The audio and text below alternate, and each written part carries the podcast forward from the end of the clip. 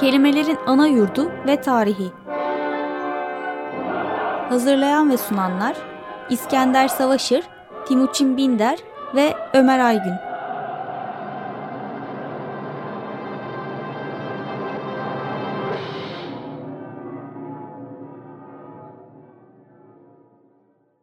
İyi günler. Ee, İskender ve ben Timuçin, Timuçin Binder.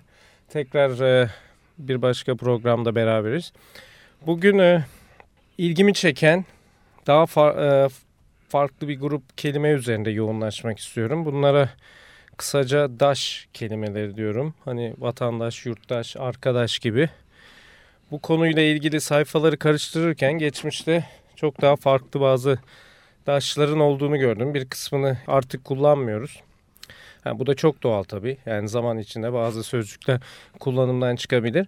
Benim e, ilgimi çeken konu bu kelimelerin farklı şeylere işaret etmeleriydi. Bir kısmını şirin bile bulduğumu söyleyebilirim. Şimdi ilk anda karşıma çıkan kelimeler işte yerdaş, e, könüldaş, emikdaş, karındaş, adaş, kandaş, ökdeş, tüydeş gibi kelimeler. Ee, bunların bir kısmı farklı şekillerde hala söyleniyor. Bir kısmı farklı anlamlarda hala söyleniyorlar. Bir kısmı da artık hiç kullanılmıyor. Mesela ökdeş. Ökdeş kelimesi ökten geliyor. Ee, ök anne demek. İlk e, yani yüzyıllar önceki Türkçelerde anne anlamına geliyor ve aynı anneden gelmek oluyor burada. Şimdi kandaş kelimesi de e, bu kategoride diyebilirim günümüzde artık bunu aynı kandan gelmek şeklinde anlıyoruz ama bu eski dönemde kan baba anlamına geliyor. Aynı babadan gelmek oluyor. Tabi bu hemen aklımıza bu kelimenin bizim bildiğimiz kanla bir ilişkisi var mı gibi bir soru gelebilir. Ee, olabilir. Kesin bir şey söylenemiyor. Ama buradaki kan baba anlamında kullanılmış. Bir de tabi bildiğimiz kan var. Belki de ikisi arasında bir bağlantı kuruldu. Eğer e, soyun ya eğer soy baba üstünden götürülmüşse veya soyu oluşturan o özün babadan geldiğine inanılmışsa belki böyle bir bağlantı kurulmuş olabilir. Ama etimolojik sözlüklerde böyle bir bağlantı yok. Araştırmacılar da böyle bir bağlantı iddia edemiyorlar. Yani elimizde çok fazla kanıt olmadığı için bu da. Ama bugün biz daha farklı şekilde kullanıyoruz. Yani kandaş hem anne üzerinden hem baba üzerinden olunabilir. Bu kan kelimesi tabi baba anlamındaki kan kelimesi aslında çok erken yok olmuş. Orta çağa geldiğimizde ata kelimesi var artık. Şimdi günümüzde de baba kelimesini kullanıyoruz. Baba tabi bildiğim kadarıyla e, Türkçe dışı yani Türkçe olmayan dillerden gelmiş bir kelime. Benim asıl e, ilgimi çeken e, bir üçlü var burada. Könüldaş, emikdaş, karındaş. Karındaş bizim bugün bildiğimiz kardeşe dönüşmüş. Kardeş, kardeş. Yani aynı karından gelmek oluyor ama buradaki karın aynı rahimden gelmek anlamında. Yani karın bölgesi vücudun işte göğüs kafesinin altındaki kısmı oluyor. Yani mide, bağırsak, rahim her şeyi kapsayan kısım. Burada yani biz ne anlıyoruz bundan günümüze pek bilmiyorum. Karındaş deyince aynı karından gelmeyi anlıyoruz. Aynı rahimden gelmeyi mi anlıyoruz? Çok emin değilim aslında. Bir de emektaş var. Aynı anne göğsünden beslenmiş kişiler için bu da. Bu da tabii bizi değişik bir yerlere götürüyor. Yani bu eski topluluklarda çok farklı bağlantıların olduğunu gösteriyor. Hani günümüzde bu herhalde çok az rastlanan bir şey. Ancak böyle felaket anlarında hani e, doğal felaketler sırasında aileler dağılmış hani süt arayan çocuklar var. Kimse... O, ka o kadar değil. Ben askere giderken Erzincan'da beni karşılayacak olan insanlar benim yakın bir ahbabımın annesinin süt kardeşinin çocuklarıydı. Dolayısıyla süt kardeşliği ilişkisi demek ki bu yakın ahbabım dediğim benden bir 10-15 yaş büyük bir insandı. Demek ki benden bir buçuk kuşak öncesinde hala süt kardeşliği ilişkisi ciddi bir dayanışma ağının bir düğüm noktası olarak iş görüyordu ve ben kısa dönem askerlik yaptım. O dört ay boyunca her işime yani müthiş bir ev sahipliği ettiler bana. E demek ki sadece kelimeyi değiştirmişiz hala var. Ama benim ilgimi çeken burada hani süt kardeşliği yani doğal bir şey mi hala veya eskiden emik emiktaşlık doğal bir şey miydi yoksa hani e, sütü olmayan annelerin bu işlevini doldurmak için yapılan bir şey miydi? Yani normal olmayan bir şeyi e, örtmek için miydi? Yani sadece merakımdan bunları soruyorum tabii. Hani doğal bir şey var mıydı toplum için ya da kayıplar çok fazlaydı da bazı anneler bu role mi soyunuyorlardı gibi düşüncelere itiyor beni bu tabii emiktaşlık. Bu doğallık meselesi beni başka bir bakımdan çok ilgilendiriyor. Şimdi gençliğimizde bu deş, daş kelimeleri içerisinde bizi en çok ilgilendiren ve hala benim terapilerde de en sık karşıma gelen insanların arkadaşla dost arasında bir ayrım yapmak iste, istemeliydi. Gençken bu çok önemli oluyor yani. Mesela ahbapla da yapıyoruz bu. evet. Şimdi bakıyoruz bu daşların hepsi aslında hazır bulunmuş bir şeyin ortaklığı. Yani bir yanıyla hani doğal demesek bile verili şeyle seçim, iradi seçimler üzerine kurulmuş ilişkileri tarif etmiyor sanki. Karın, vatan da öyle. Vatan. Yurt. Evet vatandaş yani bu eski dönemde yerdaş oluyor yani vatan zaten Arapçada yer anlamına geliyormuş. Hani daha sonra böyle hani büyük ülkenin vatandaşlığı yani şey büyük ülkenin daşlığı şekline dönüşmüş.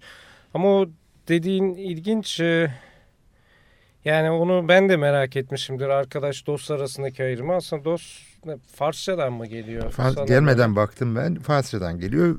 Nişanyan şeyi vermiş karşılık olarak.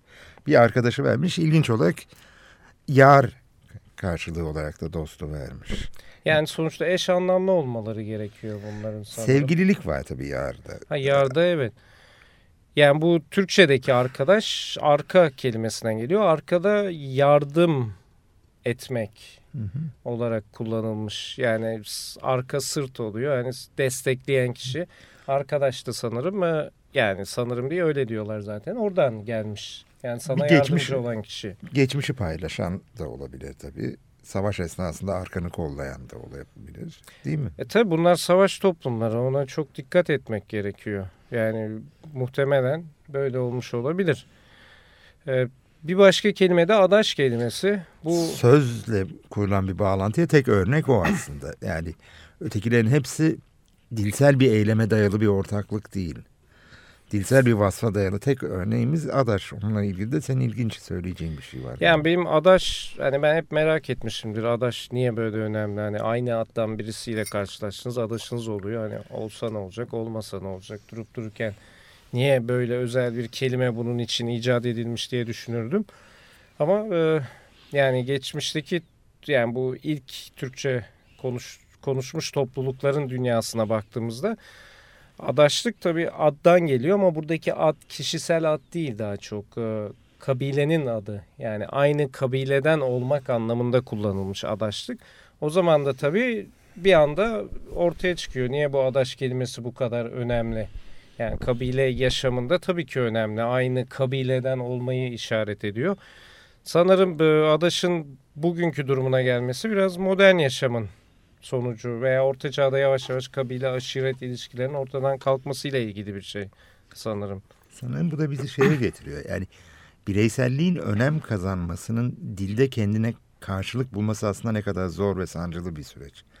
Çünkü dilin şekillenmesi aslında hep grup deneyiminin, ortaklıkların, arkaların, karınların, doğumların yani çok daha kolektif bir hayat tarzı üzerinde şekillenmiş bir deneyimler örgüsü gerektiriyor. Yani Daş'ta kesinlikle öyle olması gerekiyor sanırım. Kolektif yaşam yani üstelik çeşitli kolektif gruplardan bahsediyorlar. Yani ciddi bir hiyerarşi söz konusu sanki burada. İşte 19. yüzyılda birlikte bireyselliğimizi çok daha önemsemeye başladıkça bu tabii bir sorun olmaya başlıyor. Bunu sanki çok önemsediğimiz bir şeyi ona uygun olmayan bir araçla ifade eder halde buluyoruz. 19. yüzyıl edebiyatının belki büyüklüğü de burada bu sorunu çözmek için gösterdiği gayretti. Yani bunları şeyde düşündüm. Müzik araştırırken. Yani tamam bir müthiş böyle bir arkadaşlık tafrası üzerine bir müzik bulayım dedim. İlk aklıma gelen Verdi'den bir düetti. Çok sever o böyle. Falan ama orada da bir marş ritmi üzerine bir yoldaşlık yani. Yine hedef sanki dış özgürlük gibi bir yol hedef sağlanıyor ama sanki Yani o anlık ne kadar o anlık seçime bağlı, ne kadar hani verili bir hedef ve doğru gidiliyor. Bir Anlatabiliyor de, muyum derdimi yani? Evet. Bir sanki bireysellikle birlikte ortaya çıkan o yüzden de belki dost gibi bir anlam yaratmaya çalışıyoruz. Eskiden yoktuysa bile böyle daha e tabii daha çok da yabancı kelimeleri kullanıyoruz sanırım. Çünkü sonuçta Türkçe konuşan insanlar olarak bu daş kafamızda otomatikman daha farklı ilişkilere işaret ediyor. Yani bir şekilde aslında başka bir kelime istiyoruz bu bireyselliği vurgulamak için. Çünkü daş her zaman bir grupla geliyor. Bir de daşta şu da var yani birbirinin eşi olan insanlardan bahsediyor. Hani öyle hani yerli yerdaş arasında sanırım böyle bir fark var. Çünkü yerli dediğiniz kişi sizden farklı olabilir. Sadece ortak yanınız aynı yerden gelmeniz. Ama yerdaşta aynı yerden gelmeniz sizi birbirinize benzer kılıyor. Yani aslında bu daş kelimesi bireyselliği e, yani bireyselliği engelleyici bir ek gibi gözüküyor. Yani daş dediğiniz anda onunla aynısınız. Farklı değilsiniz artık gibi bir e, intiba bıraktı bana herhalde. Böyle bir kelime diye düşünüyorum. Zaten örneklerde onu gösteriyor. Hep eş olmaktan bahsediyorlar. Birbirinin eşi. Yani ikinizi benzer kılan bir bağ. Yani bundan kurtuluşunuz yok. Bireyselliğe çıkışınız yok. Daş olduğunuzda gibi. Tabii bana delik dildeki başka bir şey çağrıştırdı. Bir anlamda bu saf bireysellikte durmaya çalışmanın mümkünse öyle bir şey. Tabii baş döndürücü ve ürkütücü bir yanı da var. Böyle seçtiğimiz ilişkileri de ne kadar doğallaştırma eğilimde olduğumuzu düşün. Kanka kelimesi. Kan kardeşliğine yani arkadaşlığı kandaşlığa doğru tercüme etme yönünde ciddi bir eğilim var. Hiç değilse kim içer. Ee, öyle bir eğilim gözüküyor ama benim orada dikkatimi çeken e, konu hani kandaş kelimesini kullanmamaları. Yani çünkü kandaş deyince o kişiler çok fena bir şekilde birbirlerinin aynısı gibi gözüküyorlar. Kanka sanki bu kurtuluşu sağlıyor kişilere. Gene bir kana bağlama var ama kana bağlayalım ama biraz da birbirimizden farklı olalım. Yani öyle bir sözcük arıyorlar sanki insanlar. Çünkü kandaşlık hani kötü şeyler çağrıştırıyor demek istemiyorum ama hani bireyin bireyselliğini bir anda bir kapana alıyor sanki çıkamıyor. Ondan çıkmak istiyor. Hani hem kan bağı olsun hem de ben senden biraz farklı olayım gibi bir şey var sanki. Şimdiye kadar vermediğimiz bir örneği düşündürüyor tabii bunlar. Özdeşliği düşündürüyor. Değil mi? Evet. Özdeşlik, türdeşlik bunlar daha çok bize ait gözüküyor ama demin bahsettiğim o tüydeş kelimesi var. Sanki türdeşin başlangıcı burada gibi tü, tüy demek ve aynı cinsten olanlar için bu kelimeyi kullanmışlar. Yani aynı tüyden gelenler. Bu tam çok genel bir kelime. Türleri açıklamak için hayvan türleri, insan türleri şeklinde. Tüydeşi kullanmışlar. Belki bizim türdeşimiz e, bu kelimeden geliyor. Bir yani, parantezde gireyim araya sonra bu arkadaşlığın zorluğu üzerine verdiği kulak vererek bitirelim ama bu türdeş dediğin zaman aslında tabii yine tekrar Batı dillerine doğru bir bakmamız lazım. Bütün e, Hristiyanlığın temelinde tabii homo homojendeki evet. homoyu benzer mi özdeş mi diye yorumlanacağı İznik Konsili'nin bütün derdi oydu değil mi? Ariusçulukla Atanasiusçuluğu birbirinden. Evet öyle bir tartışma vardı. Ee, bir ara belki ona da Evet belki bir başka Neyse ama biz şimdilik 4. yüzyıla değil 19. yüzyıla kulak verelim. Ve kapatmadan önce bir noktaya daha değinmek istiyorum. Şu könüldaş kelimesi başta değindim ama henüz konuşmadık. Yani daha önce konuşmalarımıza belirtmiştik. E, düşüncenin merkezi olarak görülüyor gönül. Yani gönüllü olmak, gönülsüz olmak da buradan geliyor. Yani düşünmeyle ilgili burada gönüldaş da yani gönüldaş bizim söylediği şeklimizde aynı düşünceyi paylaşanlar oluyor ve bildiğim kadarıyla galiba bu artık hiç yok. Yani aynı düşünceyi paylaşmaya herhalde çok böyle e, ters bakılıyor. Çünkü orada bireysellik iyice yok oluyor gibi. E, yoldaşlık da e, Sovyetler deneyimi sağ olsun epey gözden düşmüş bir kelime. Evet. Peki e, yine aslında ilginç tabii bu bu bağlantıyı düşünmemiştim. Dinleyeceğimiz dostluk andı da marş ritminde. Yani bireyselliği bir anlamda ortak hareket içerisinde eritme iddiasında olan bir düet.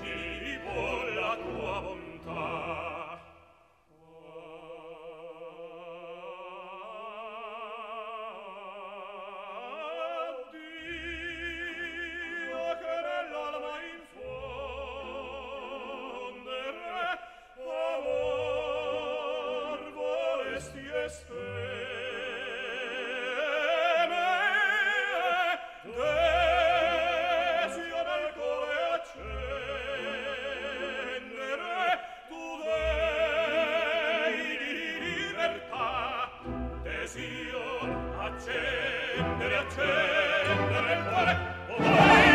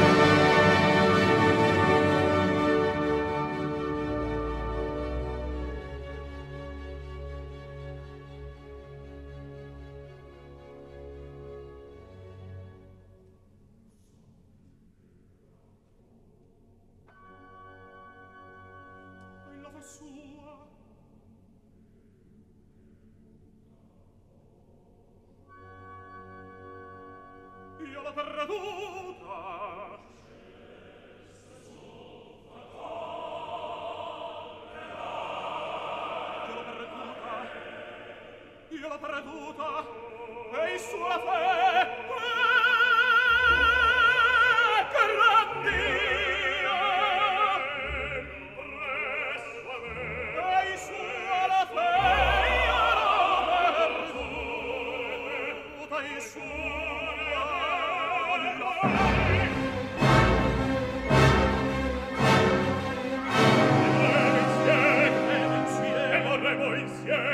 saremo insieme